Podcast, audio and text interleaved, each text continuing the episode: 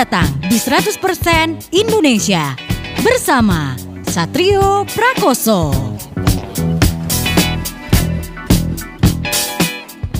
97.5 Play FM Station for your life. Selamat malam players, selamat datang di 100% Indonesia Talk Show. Broadcasting live from Palembang bersama saya Satrio Prakoso. Dan untuk malam ini spesial karena ini adalah hari ulang tahun yang ke-9 dari 97,5 Play FM Palembang. Good to great buat kita semua players untuk tahun ini. Dan untuk malam ini saya bakal ngobrol sama seorang musisi pria, soloist players dan uh, dia berasal dari keluarga musisi juga dan untuk uh, malam ini bakal ngobrolin tentang uh, karir musiknya ya, awal perjalanan karirnya, terus juga karyanya yang terbaru dan hal-hal menarik yang terjadi se sepanjang perjalanan karirnya. Moto saya bakal ngobrol sama siapa? Cek di postingan Instagram dari @975playfm.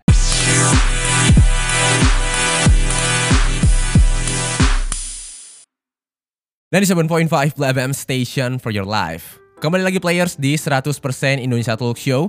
Spesial di hari ulang tahun Play FM ya. Ini anniversary ulang tahun yang ke-9 dengan tema Good to Great. Dan buat hari ini saya bakal ngobrol sama seorang musisi Solois sih cowok players. Ganteng, lagunya juga keren Langsung aja kita panggil ya. Ada Marcelo Tahitu di sini. Halo Halo players, apa kabar bro?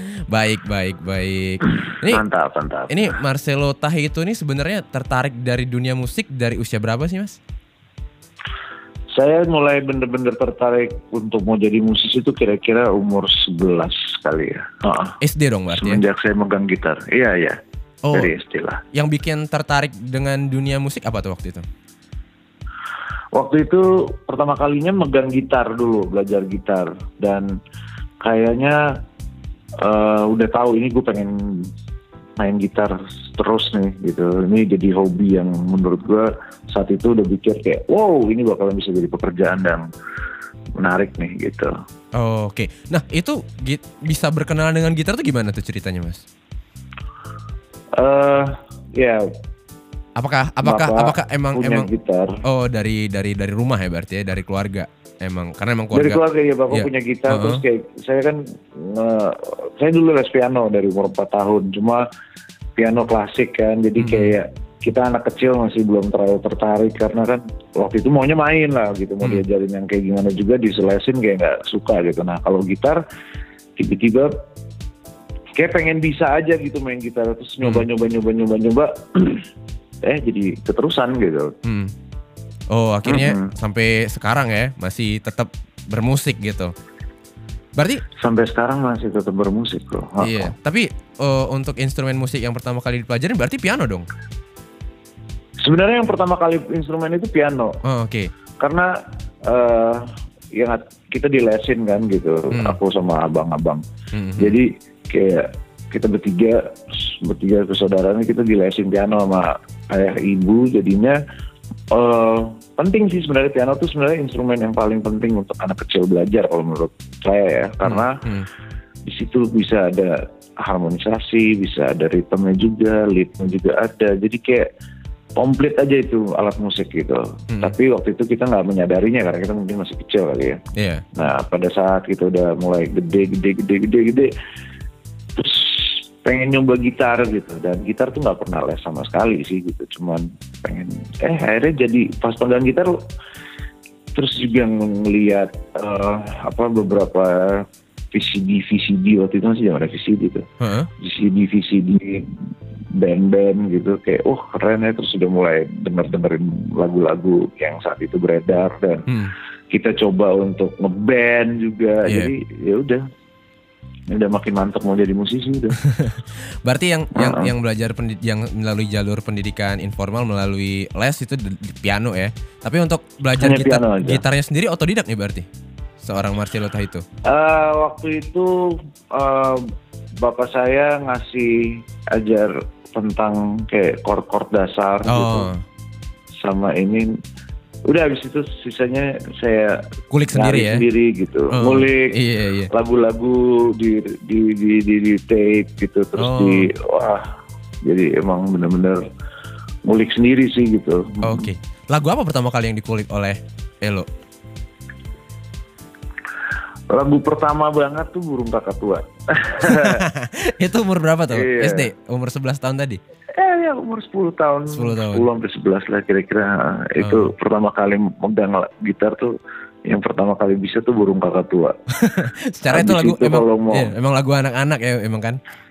Emang me- yang paling iya, bisa nadanya nakrab gitu kan. lah gitu. Mm, mm, mm. Ah, ah. Gitu Oh. kalau paling bisa di apa ya yang paling familiar gitu yang chordnya juga chord tiga jurus juga gitu Iya, kan iya. kayak satu empat lima doang gitu nah terus kalau lagu yang istilahnya kontemporer gitu yang Mhm. emang lagi itu itu about a girl tuh Nirvana. Rara bisa ya ah. Oke, emang era-era itu Ah, berarti ah. era 90-an ya. Belajar main gitarnya emang di era di mana grunge baru muncul gitu ya. beruntung ya gue Iya, pas banget ya. Pas banget lagi Nirvana lagi nge-booming tuh berarti players. Nah, Iya. kemudian setelah akhirnya bisa main gitar terus juga tadi udah cerita juga kan udah ngelihat apa visi divisi di band-bandan. Terus apakah ada keinginan buat ngeband waktu kecil dulu? oh ngeband ngeband Ngeband ya, ngeband. Umur berapa tuh ngeband pertama ngeband kali? banget pertama kali ngeband umur 12 12 atau 13 gitu Eh, SD atau Saya kelas- S- SMP? SM- SMP ya? saya kelas 1 SMP Oh, kelas 1 SMP. wow man Sama Ya, sama ya teman-teman sekolah atau gimana tuh? Ceritanya dulu. sama teman-teman sekolah bener sama teman sekolah ada tapi eh, ada juga teman yang di luar sekolah nggak satu sekolah ada juga Oh, teman-teman nongkrong ya, teman main ya zaman dulu ya. Iya, Oh. kira-kira gitu. Main lagu apa Ah, dulu? Dan Di di kelas 1 SMP itu. semua itu bawain Green Day gitu. Oh, Green Day. Green Day terus Album-album Duki ya baru lagu- keluar ya mungkin ya tahun-tahun itu. bawain lagu Lisa Loop gitu. ya kan? Oh. Terus apa lagi ya, um, oh macam-macam Uh, Alanis Morissette Uh, Terus- 90-an banget ya. banget parah terus um, ujung-ujung ke belakang-belakangnya um, ada lagu Black Box tau Black Box ya?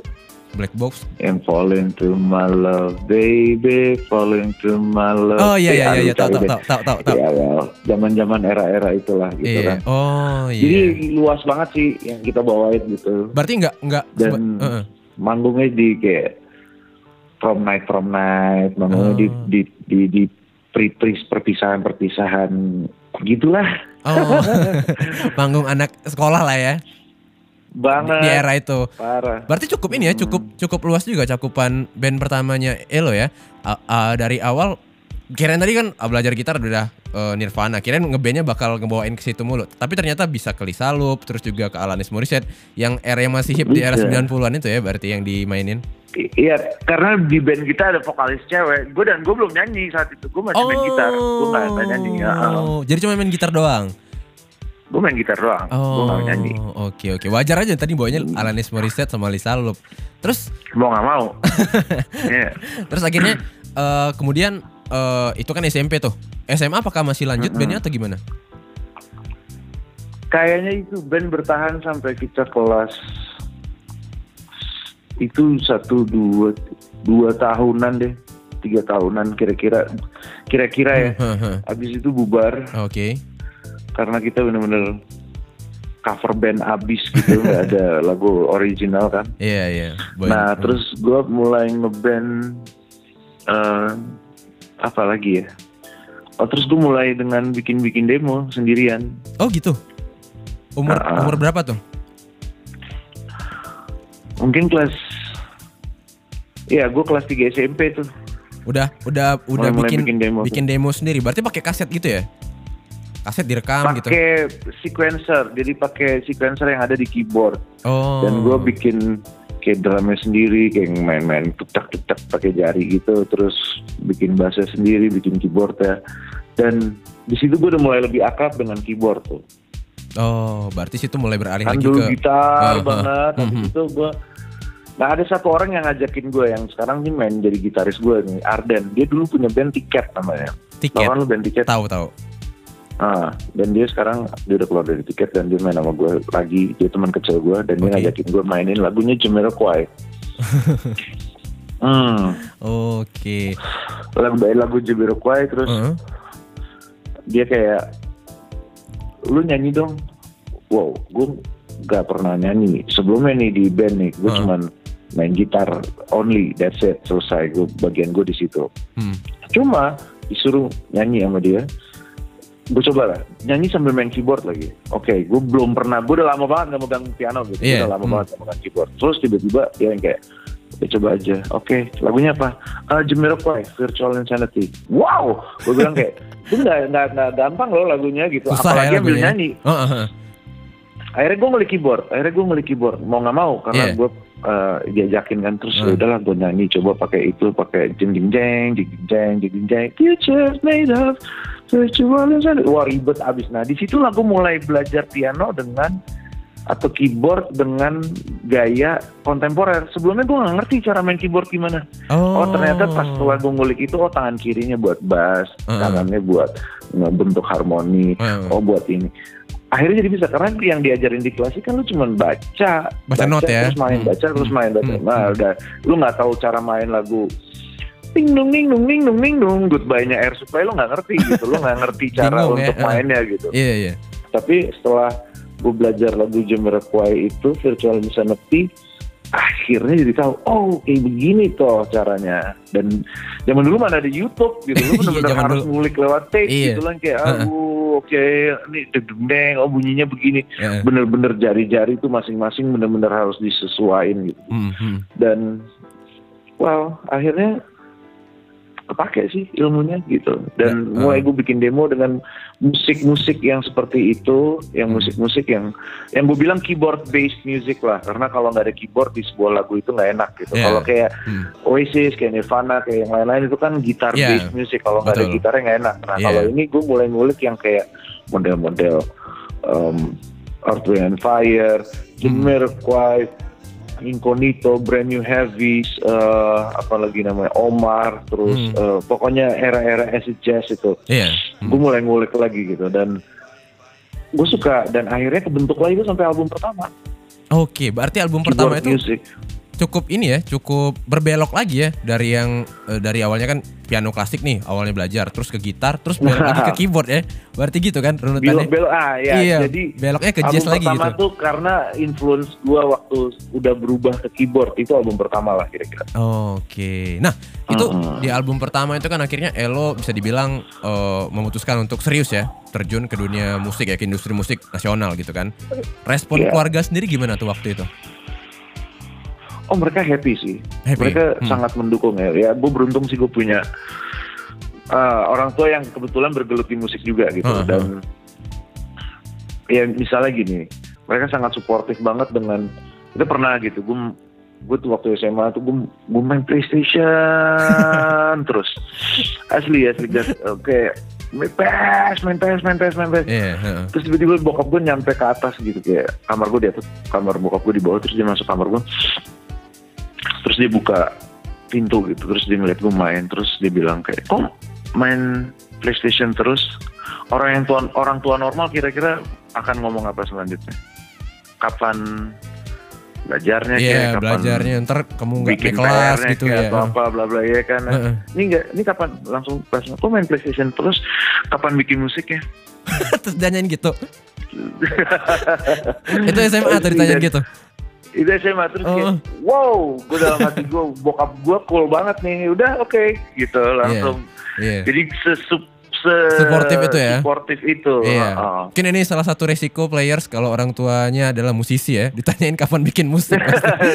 Waktu SMA bukan tanyain kapan belajar Iya. bukan kapan gimana atau gimana mereka kayaknya nggak terlalu peduli Iya. sejak udah SMA kayaknya Iya, kapan Iya, kamu bikin musik gitu? Kapan kamu gitu. bikin album gitu? Ah. Kali pertanyaannya. Iya kira-kira kira-kira gitu. Terus- karena mungkin mereka ngelihat juga gitu. kan. Iya, bener sih. Daripada main PS mulu nggak ada hasil, kamu bikin musik aja, bikin album gitu kan? Bisa dirilis Betul. albumnya. Terus gimana nih? Benar, benar, Oke, benar. itu kan da- tadi dari sisi orang tua nih ya.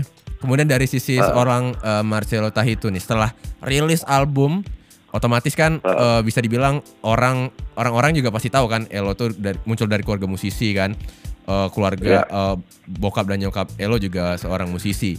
Ada Mhm. ada tantangan tersendiri nggak nih ketika di awal karirnya sebagai muncul musisi yang muncul dari keluarga musisi yang cukup dikenal di Indonesia? Gimana gimana? Apa? Ada tantangan tersendiri gak? yang ketika di awal Oh, karir. lumayan, lumayan. Oh, tuh. lu di embel-embel embel-embelnya udah pas ke situ mulu Iya. Ah, ini anaknya dia nih anaknya Iya. dia pantas saya bla bla bla bla wow gue harus kayak membela diri diri gue gitu saat Oh, itu oh, oh. untuk mereka Defensif ya jadinya ya. Heeh. lumayan defensif saat Uh-uh. itu kayak wow em, dalam hati gue lu mau anaknya siapa kayak kalau lu nggak ada usaha Oh. pengorbanan dan kerja keras gue rasa lu nggak bakalan jadi apa apa juga mau Iya. itu gen ada di darah lo kayak mau kayak gimana tetap aja nggak bisa gitu Iya benar. lu males lu nggak mau berusaha ya lu nggak jadi apa-apa gitu istilahnya dan ya udah gue akhirnya nggak apa-apa apalagi lagu pertama gue lagunya bokap gitu Iya, gue betul. recycle ya kan Iya pasti. Ya ini dan- karena dia anaknya sih pasti gini gini gini gitu kan pasti ada kan pendapat bla miring miring miringnya iya, gitu kan. Mm. bener bener terus akhirnya gue kayak wah ya udah padahal yang ngasih ide pertama untuk pakai lagu itu sebenarnya bukan bokap nyokap gue juga yang yang yang ngasih ide pertama itu adalah label gue yang kontrak gue gitu Sony Oh, Music label gitu. rekamannya ya. heeh. mereka pikir waktu itu mereka mau bikin satu album kompilasi yang isinya tuh semua lagu-lagu recycle Oh, Oke. dan gue salah satu artisnya Oke. cuma bawain satu lagu Mm-mm. gue bikin lah materinya terus mereka dengar wow asik juga nih gitu terus Oke. akhirnya yaudah akhirnya itu project nggak jalan ya Project album, tadi, kompilasi tadi. project album nggak jalan Uh-huh. ah, kompilasi tadi nggak jalan nggak jadi diproduksi akhirnya gue langsung diproduksi album Oh, Oke gitu jadi ceritanya ya. gue baru nyiapin selagu kan waktu itu Uh-huh. walaupun lagu gue udah banyak temen yang gue share ke mereka tuh baru satu lagu ya oh, lagu baru yang lagu yang tadi ya. mereka butuhkan doang Ah, Ah. ah. ya udah ini dan ternyata pas dibikin dan dikeluarin responnya bagus gitu Oh, Oke, akhirnya Elo berhasil merilis album sendiri ya setelah proyek kompilasinya gagal gitu kan. berhasil merilis album sendiri ah, ah. Oke. sih luar biasa tapi ya ada Hmm. waktunya sebelum itu gue udah sempet ngeluarin single juga cuma waktu itu diajak sama Audi Oke, single apa tuh judulnya? judulnya Silang Hati itu album keduanya Audi kalau gue nggak salah Oh. iya album keduanya Audi Itu bareng? Gue nyanyi lagu di situ. Cuman Bareng. habis itu lama nggak keluar keluar nih Hmm. diapain ya si Elo dan segala macam dengan uh, label gue ngomong ngapain ya kita ngapain bla bla ya udah kita coba bikin lagu yang uh, recycle bla bla bla bla. Ya, yang tadi project yang tadi gue Iya, bilang. iya. dan akhirnya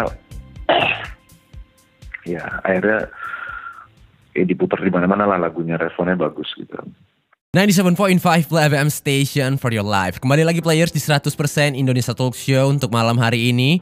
Dan ini spesial ya di hari ulang tahun dari 97,5 Play FM yang ke-9 Good to great untuk kita semua players buat eh, tahun ini. Dan balik lagi saya masih ngobrol sama Marcelo Tahitu. Halo halo players Nih dulu Oke. seorang Marcelo Tahitu kan dikenal dengan nama panggung Elo ya Dikenal dengan nama Elo kan Ya. Kenapa akhirnya Mm. sekarang malah eh, memutuskan untuk mengubah image ini tadi, malah membranding diri sebagai Marcelo Tahitu? Apa nih penyebabnya?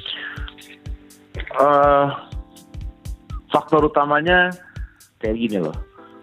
Buat buat gue Elo itu eh sesuatu yang dibentuk lah gitu. Oke.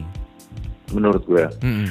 sesuatu yang dikonsepin rame-rame gitu dari segi musik, dari segi eh, apa namanya pemilihan lagu, dari segi segala macam lah. Menurut gue itu Hmm. dikonsepin gitu. Hmm. Nah, tapi kalau Marcelo Tahitu tuh kayak ya udah emang nama asli gue ini gitu. Hmm. Jadi gue pakai nama asli kembali ke selera asli gue yang which is gitar tadi tuh yang bikin pertama kali gue mau main musik Iya. dengan musik-musik yang seperti itu yang emang gue suka banget pertama kali gitu dan uh, gue pikir harus ada uh, perbedaan di situ Mm-mm. dan gue akhirnya hanya menjadi diri gue sendiri. Itu konsep dasarnya gitu loh. Mm. dan gue pikir dengan nama hmm, ya Elo juga itu kan nama panggilan nyokap gue gitu. Oke. Uh, dan orang rumah gue manggilnya Elo gitu. Keluarga keluarga gue manggilnya Elo. Tapi kalau temen sekolah atau temen ya di luar orang taunya Selo Oh, Marcelo Tahitu ya, taunya ya, nama lengkap gitu kan? enggak manggil manggilnya Selo Oh, manggilnya Manggilnya Selo. bukan Elo Oh. Ah, ah, manggilnya Selo jadi pas pertama kali gue keluar Elo tuh temen-temen sekolah gue nggak tahu tuh siapa Oh gitu. karena itu Elos ya nggak ada yang tahu Ketika oh ini si Selo nih Oh, Gitu. jadi jadi sempat ada Hmm. momen kayak gitu ya, momen di mana orang teman-teman terdekat juga nggak tahu Elo itu adalah Marcelo Tahitu gitu ya? nggak ada yang tahu Iya kan? awalnya terus tiba-tiba oh Selo ah, mereka tahunya Selo Sel Sel gitu manggilnya. Oh iya benar-benar. Nah kemudian kan setelah terjadi transformasi nih bisa dibilang ya dari Elo menjadi Hmm. Marcelo Tahitu, ada pro kontra nggak sih dari transformasi ini? Apakah ada yang wah ya lo harus kayak gini nih atau wah lu kok jadi berubah gini ya kayak gitu? Ada ada ada ada ada banget justru malah gue melihatnya hmm, gue lumayan mengorbankan banyak hal sih soal itu Oke. gitu dan eh, mengorbankan waktu karena lu harus butuh sosialisasi lagi Benar gitu benar.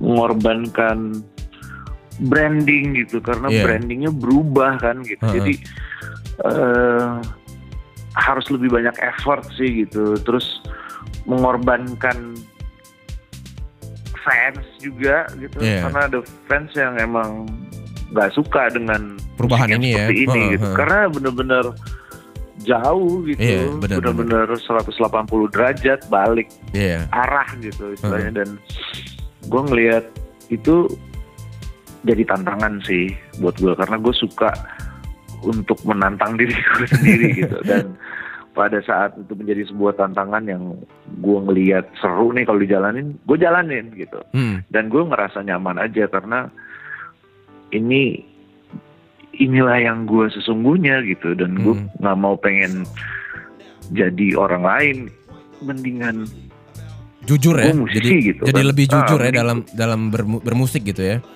sangat Ah. karena gue musisi gue pikir enaknya jadi musisi adalah lu bisa nulis tentang apa aja lagu yang kayak gimana aja suka-suka lo Bener. itu the Hmm. freedom of being an artist gitu seniman Hmm, gitu hmm. bebas ya Kadang-kadang gua- menyalurkan gua apa menyebut- aja ngekspresin apa iya, aja gue gitu mau kan nyebut artis tuh kayak gimana gitu karena di Indonesia artis tuh seleb gitu. Iya, Kayak identiknya dengan itu. Jauh banget Hmm. artinya, jauh banget, jauh banget. Gue menganggapnya itu seniman gitu. Lu Iya. bisa bikin karya apa aja suka hati lo, diinterpretasikan orang berbeda-beda, bodoh amat ya nggak terserah Iya, gitu. hmm. Yang penting itu karya lo gitu. dan lu suka gua dengan karya lu sendiri gitu kan Hmm. gue nggak terang nggak nggak nggak nggak se se se se sepede itu gue bilang ih gue suka dengan karya gue sendiri enggak tapi Hmm. setidaknya kadang-kadang ada karya yang lo hmm oke Kalau, eh, yang kok hasilnya biasa aja ya gitu Oke. in terms of quality ya menurut Ah, lo ah. gitu tapi orang mungkin ngeliatnya beda gitu. Wih enggak sih bagus. Tapi lo ngeliat kayak kayak kayak kayak kayak chef lah gitu. Lo makan makanan masakan lo gitu tiba-tiba orang lain udah cinta banget tapi lu masih ada aja yang ngerasa kurang nih, kurang ini, kurang ini, kurang ini gitu loh. oh iya benar-benar emang harus eh, di masih ada yang pengen kita kulik lagi gitu ya rasanya ya itu mungkin salah satu kutukan gue gue bilang kutukan semua orang sih menurut gue nggak pernah iya puas kayaknya iya gitu benar kan. sifat manusia sih manusiawi sih emang nggak pernah puas sangat manusiawi ha. Tapi kalau misal kita bicara tentang inspirasi nih ya, kalau Marcelo Ya. Tah itu sendiri dapat inspirasi dari mana nih kalau mau bikin lagu? Eh, biasanya gue dapet inspirasi dari sound yang baru gitu kayak contohnya misalnya gue Hmm. lagi ngulik-ngulik plugins gitu terus dapat sound yang wih aneh nih terus tiba-tiba keluar riff yang baru gitu. Itu kalau dalam segi teknis eh, aransemen musik ya atau itunya. Tapi kalau untuk ide awal lirik atau kayak hmm, ini bisa dari mana aja sih? Kayak gue bikin lagu tentang judulnya sampah-sampah dunia maya gitu. Oke. tentang netizen netizen so tahu gitu kan yang paling ngerasa paling bener dan paling tahu yang dan gue gerah gitu ngeliatnya gue kayak apaan sih gue jadiin lagu gitu terus gue ngeliat banyak gue ngeluarin lagu juga tentang judulnya sih munafik gitu Hmm. kayak banyak banget gitu orang yang yang ngomong ini tiba-tiba perbuatannya begini Hmm, ya, hmm. Gak cocok ya? Hmm. dari mana-mana aja sih gue inspirasi gue dari mana-mana aja sih sebenarnya Oke. kebanyakan sih dari perilaku orang yang lu tahu kan yang yang yang bikin gerah aja gitu Hmm, kadang-kadang. Bikin nggak nyaman lah ya. Nah kalau untuk pros- Ah, ah. proses kreatifnya sendiri gimana nih? Kalau Marcelo Tah itu bikin lagu, apakah apakah tiba-tiba eh karena melihat yang itu tadi ya, kayak netizen segala macam langsung ambil gitar ganjreng-ganjreng langsung jadi atau gimana? Iya bisa kayak gitu. Hmm. Gue lagi kayak baca uh, sosial media gitu apaan gitu. Terus gue ngeliat uh, ada satu kasus yang kayak oh apa lu nge- nge- ngegerbek istri lo lagi selingkuh gitu misalnya atau whatever gitu. Terus yang komentar yang tuh yang kayak "Hmm, ini, ini." dia mau ngegerbek istrinya kayak dia mau ngapain itu urusan dia gitu. Hmm. Yang gue permasalahin kenapa lu mengomentari sesuatu yang lu nggak tahu juga bener asli apa enggak itu faktanya dan segala macam. Tapi lu mau komentari seolah-olah lu udah pakar banget gitu. Nah jadi gue kayak ngerasa mungkin perilaku-perilaku yang kayak gitu yang bikin gue bikin lagu sampah-sampah dunia maya itu. Contohnya Yeah. salah satunya itu gitu Hmm. loh.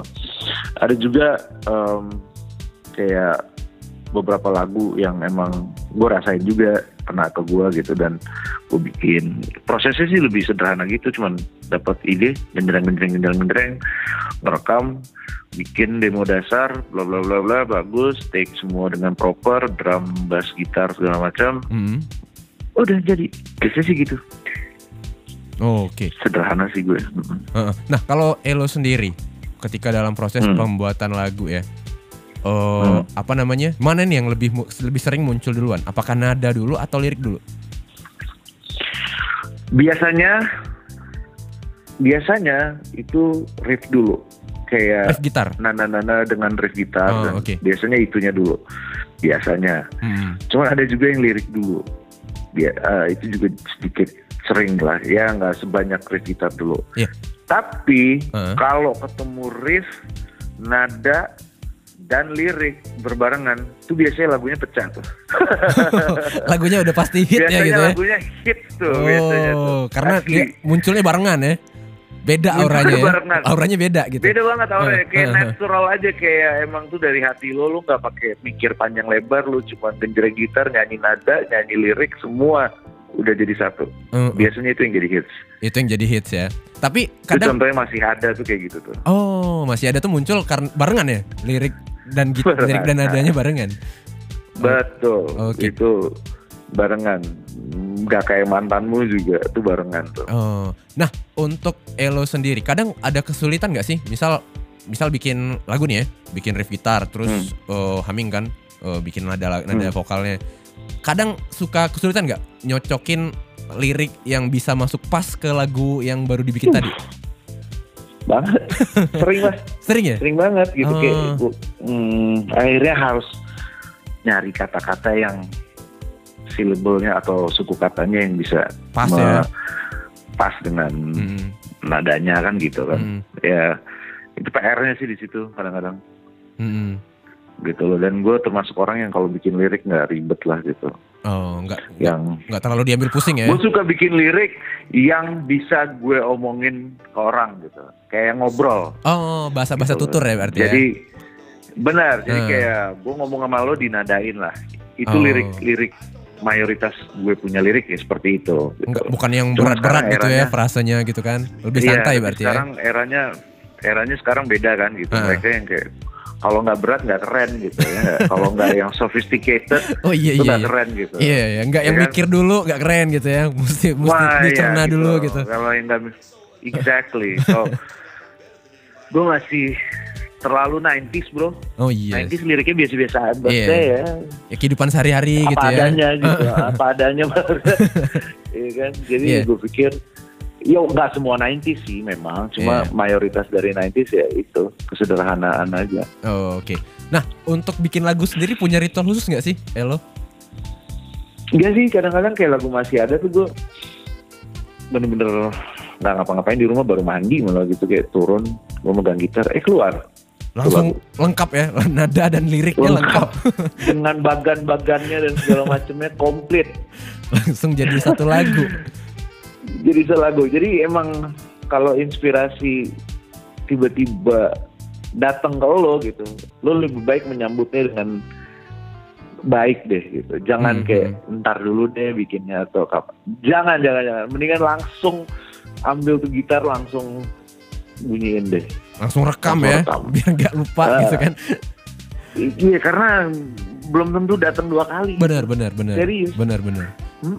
Kalau terus kalau kita kita tunda, kita kulik lagi juga belum tentu bakal muncul satu-satu lagu kayak gitu ya. Betul banget loh bro. Iya, Asli. Belum iya. tentu, belum tentu banget tuh. Mm-mm. Nah, Gitu loh. tapi dari semua lagu yang Elo punya nih, lagu mana yang paling favorit? Oh, lagu gue yang paling gue suka tuh sebenarnya ada judulnya berdiri sampai mati. Wih, kenapa tuh pilih lagu itu? Karena itu lagu jadi penyemangat gue aja gitu. Karena Hmm. eh itu lagu bener-bener struggle lah gitu. Gue Hmm. buatnya juga struggle, gue Hmm. nyanyiinnya juga struggle. Jadi emang personal banget buat gue karena gue lumayan terinspired sama nyokap gue sih yang lagi berjuang lawan kanker waktu itu Oke. dan eh ya lagu itu bener-bener spesial buat gue gitu karena eh ya mungkin melibatkan banyak pihak yang penting buat Hmm, gue hmm. gitu loh kira-kira heeh. Oke. itu sih favorit gue 97.5 Play FM Station for your life. Masih di 100% Indonesia Talk Show Players dan buat hari ini di spesial edisi di ulang tahunnya Play FM. Dan saya ngobrol sama Marcelo Tahitu nih. Wow. Halo. yes what's up bro Yo, ini selain aktif Gimana, bermusik gimana? secara personal Marcelo Tahitu kesibukannya apa sih? Eh, main PS sih gue. Main PS, main PS lagi ya? Yoi, em, sekarang ini udah bisa main PS-nya nggak cuma sama teman sekampung doang gitu. Mainnya sama main online. Jadi kayak lebih gila lagi sih. Lebih luas ya teman-teman mainnya ya.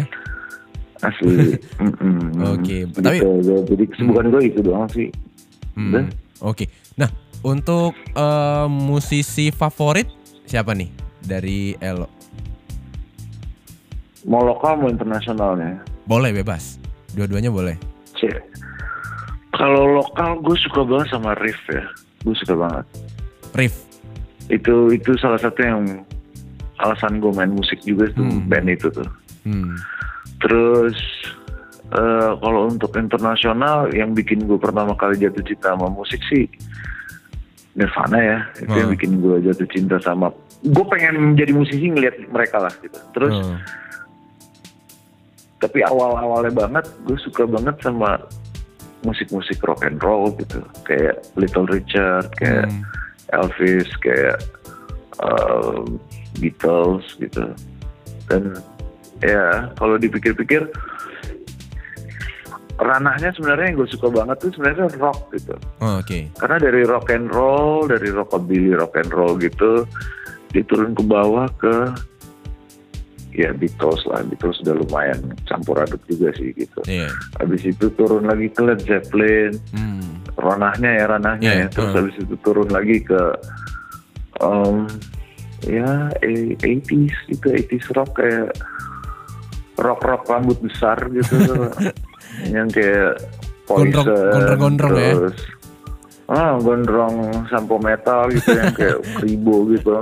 Iya betul. Terus nyampe lah ke 90s Iya. kan gitu dari 80s 90s dan ternyata emang gue sukanya musik-musik yang genrenya rock gitu Oh, yang di, Jadi- di di ranah itu ya.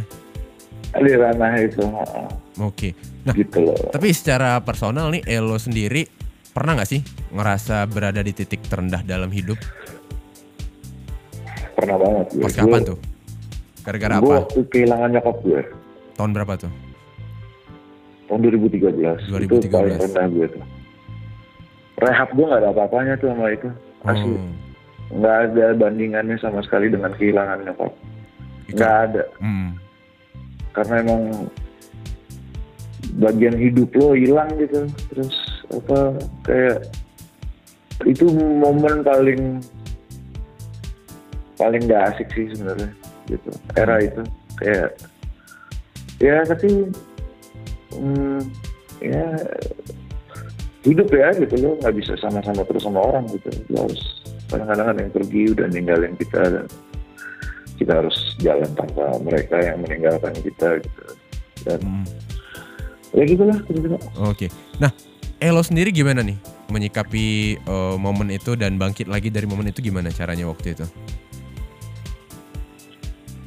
gua menyikapinya dengan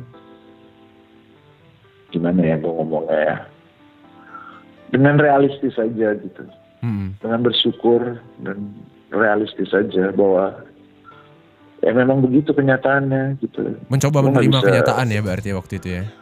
iyalah Hmm, memang hmm, hmm.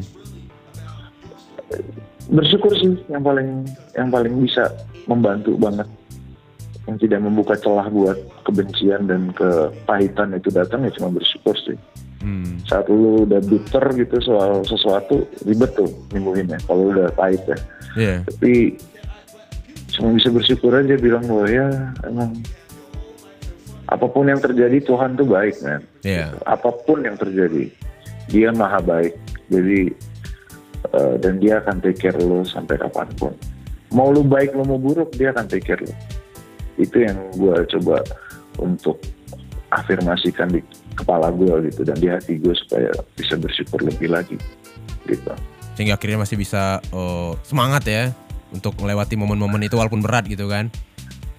walaupun berat tapi ya semangat, dan Semangat. belajar terus sih gitu gue tiap hari sampai detik ini gue juga masih belajar gitu bagaimana untuk ikhlas dan eh, apa namanya berserah gitu Hmm. itu itu itu yang paling penting dalam hidup gue saat ini gitu karena kalau lu nggak bisa ikhlas dan lu nggak bisa berserah gue nggak ngomong pasrah ya gue nggak suka dengan konsep pasrah gue pribadi karena pasrah tuh kayak lu nggak ngapa-ngapain lu cuma nunggu Iya. apa yang terjadi gitu Mhm. kalau berserah tuh kayak lu berusaha tapi lu menyerahkan itu gitu Iya benar. dan gue berserah aja gitu dan apa pun yang terjadi dalam hidup gue dalam musik gue dalam uh, kehidupan pribadi gue dalam keluarga gue gue cuma bisa berserah aja gue cuma bisa ngelakuin yang terbaik yang gue bisa aja dan gak merugikan orang lain udah gitu dong Oke. Yoi. Oke. Nah, kalau untuk momen manggung yang paling berkesan nih, yang paling diinget sama Elo, itu pasti mana tuh? yang paling gue inget itu momen manggungnya waktu itu gue lagi manggung sama Kak Glenn gue inget banget Di mana tuh? gue lagi itu di Kelapa Gading deh Di Jakarta ya? Terus Hmm. gue main keyboard ya di Jakarta. Terus gue main keyboard, mau nyanyi. And then kursi gue tuh kayak nyelip di antara sela-sela gap panggung, lo tau kan? Ada kan? Oke. Yang kayak panggung kan terus. And then gedubrak. Jatuh, Segedu, segedubrak itu gue. Heeh. jatuh ke bawah. Terus gimana tuh jadinya? Lagi main tuh? Lagi perform? Lagi baru mau perform. Jadi Oh. kayak kalau lagi main kan masih ada musiknya tuh kan. Iya. Lumayan ketutup lah.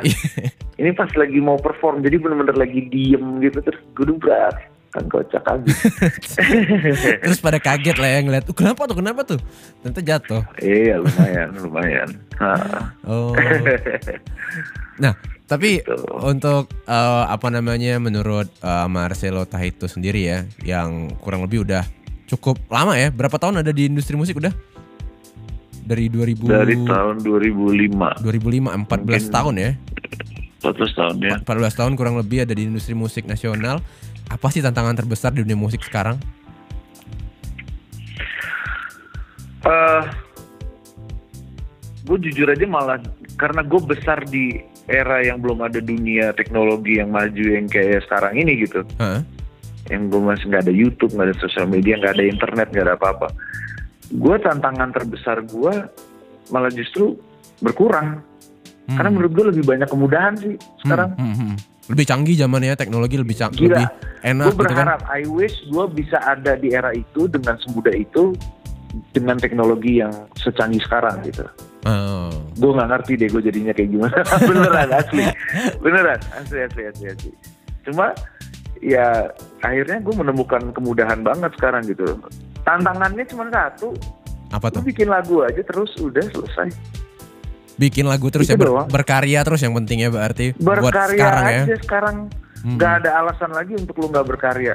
Kalau dulu kita berkarya, oh kita harus ini label suka nggak ya satu. Iya. Kalau kita berkarya lagi terus ini radio bakal muterin gak ya dua. Iya benar. Ini kalau gue bikin karya TV bakal tiga. Jadi lu harus Banyak pertimbangan ya. bisa banyak pertimbangan untuk lo Heeh. berkarya Hmm, gitu. benar-benar. Kalau saat ini kayak Ya bikin Men, lagu, upload aja mau gitu ya, posting gitu. Upload aja, Eh, bener. diputer nggak diputer di radio. Iya. Lu dengan sosial media lo sendiri, lu nggak perlu majalah gitu untuk mempromosikan karya lo. Bener, bener. Sama sekali. Iya bener. Bener nggak? Bener, bener. Lu nggak perlu, lu nggak perlu itu lu udah punya. Mainnya juga sosial media ya gitu. Jadi lu Iya. bisa pakai dengan lu bisa punya itu media dan lu bisa karyakan sesuai dengan kreativitas lo gitu. Bener, bener. Dan buat gue itu yang paling penting saat Hmm. ini berkarya doang. Heeh. Jangan berhenti berkarya berarti ya. Pesan dari Marcelo Tahito players. Dan berkaryalah sesuai dengan hati lo. Bener banget. Itu doang. Kalau dulu jujur kita ya. berkarya, Mm. iya kalau dulu kita berkarya kita masih harus kayak, hmm, kayak ini label suka nggak? Ya, kayak yang tadi gue bilang lah. Iya bener, bener, bener. Super nggak bla bla bla ini nggak gini nggak. Sekarang lu bodo amat kan. Lu Iya. mau lu mau bikin satu lagu isinya cuma bunyi piring pecah doang kayak gitu. Kalau misalnya lo asik ya orang Asik-asik aja ya. Orang suka. Iya bener. Nah, mau diputar enggak kayak atau mau keterima secara mainstream apa enggak nggak ada urusannya Betul. gitu ya kan Iya, gitu, benar-benar. sih sekarang ya itu yang gue bilang mereka enak banget sih zaman sekarang nih anak-anak yang emang so called millennials ini gue Iya. bilang mereka sangat sangat sangat beruntung Hmm. tinggal sekarang tinggal mereka bagaimana mengemasnya aja dan berkreasi gitu aja sih 97.5 Play FM Station for your life. Masih di 100% Indonesia Talk Show Players bersama saya Satrio Prakoso dan juga masih ada Marcelo Tahito di sini. Yeay. ya Ba- Banyak banget yang udah kita obrolin dari tadi players. Wah, dari cerita awal berkarirnya Elo ya, yang awalnya ternyata diikut kursuskan piano ya dulu awalnya. Terus akhirnya dia belajar gitar secara otodidak. Terus balik lagi ke keyboard terus berilis album. Terus juga eh, apa namanya proses kreatifnya Elo tadi udah- kita bahas juga. Terus kesibukan, influence, titik terendah, terus juga tantangan terbesarnya ya.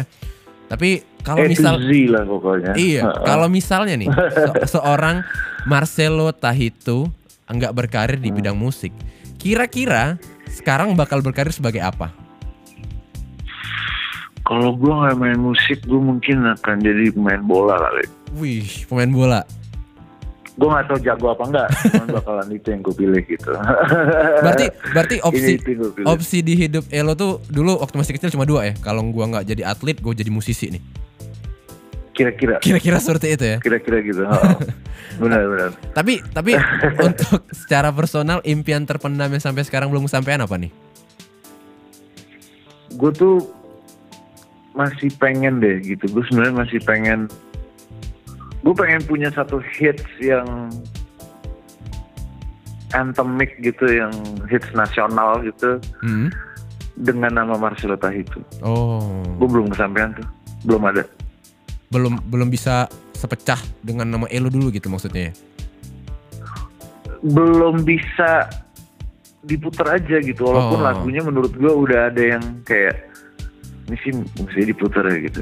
Cuman eranya memang nggak tahu deh. Ini ini gue nggak tahu ya lu lu kan orang radio nih jadi kan lu tahu lah gitu kan. Hmm, hmm. apa emang eranya memang bukan musik gitar aja gitu yang distorsi? Oh iya. Bisa jadi sih, Gua bisa rasa bisa sih- jadi gue oh, rasa karena emang nggak iya, ke sana sih iya. seleranya. Nggak ke sana. Dan harapan terpendam gue bagaimana bisa membawa musik gitar yang ada distorsinya kembali merajai radio sih gitu. Seperti di era kembali 90-an ya? musik. Yap, yo itu doang sih. Nah tapi dalam waktu dekat ini apa nih rencana Elo? Gue tanggal 9 Agustus gue akan ngeluarin album Wih, dan Agus 9 Agustus ini gue akan eh, ngeluarin single terbaru juga gitu sekalian album hmm. dan itu sih yang paling dekat. Mudah-mudahan bisa diterima yo berarti kita bakal dapat eh, bakal dengar players lagu terbaru dan juga album terbaru dari Marcelo Tahito di bulan Agustus nanti. Wah, ini berarti Iya. kita harus kita tunggu di Palembang nih ya. Ya lo harus main Palembang oh iya dong, nih. iya dong. Mudah-mudahan. Ah, mudah-mudahan ada udah tol ke sana. Oke. Nah, kalau mau tahu update terbaru dari Marcelo Tahito bisa dicek di mana nih? Eh, bisa cek di Instagram gua di Marcelo Tahitu. Terus Twitter juga kadang-kadang gue suka nge-tweet juga yang ada banyak yang nggak penting juga sih gitu. tapi Marcelo Tahitu juga Oke. namanya terus di segala macamnya Marcelo Tahitu lu cari Bisa dicari ya. Ada. Di googling aja jadi Ah. players Marcelo Tahitu. Bisa cek di Instagram, Twitter ya, atau YouTube juga ya kanal YouTube. Eh, iya Bisa langsung dicek di situ update terbaru dari Marcelo Tahitu. Kita tunggu albumnya bulan Agustus nanti. Makasih banyak Yes. Marcelo Tahitu waktunya Sama-sama, bro. ngobrol. sama-sama sama-sama happy happy banget gue bisa ngobrol ah. Siap, siap, siap. Thank you player sudah ngajakin gue seru-seruan ngobrol bareng dan gue mau sekalian mau bilang happy birthday yang ke-9 buat 97,5 Play FM Palembang. Semoga lu pada menjadi inspirasi buat orang-orang Palembang. Amin, amin, amin, amin. Semoga doa dari Marcelo Tahitu tadi terkabul ya. Players kita doain semuanya. Semoga yang terbaik buat kita semua lah ya buat tahun ini ya. Yang pokoknya bisa transformasi dari good to great sama kayak tema ulang tahun Play FM tahun ini. Oke, itulah tadi players perbincangan satu jam saya bersama dengan Marcelo Tahitu.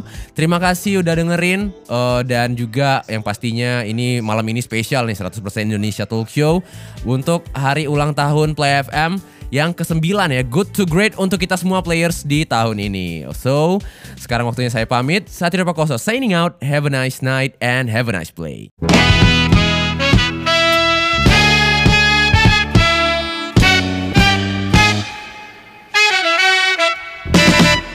Terima kasih sudah mendengarkan 100% Indonesia bersama Satrio Prakoso. Sampai jumpa minggu depan.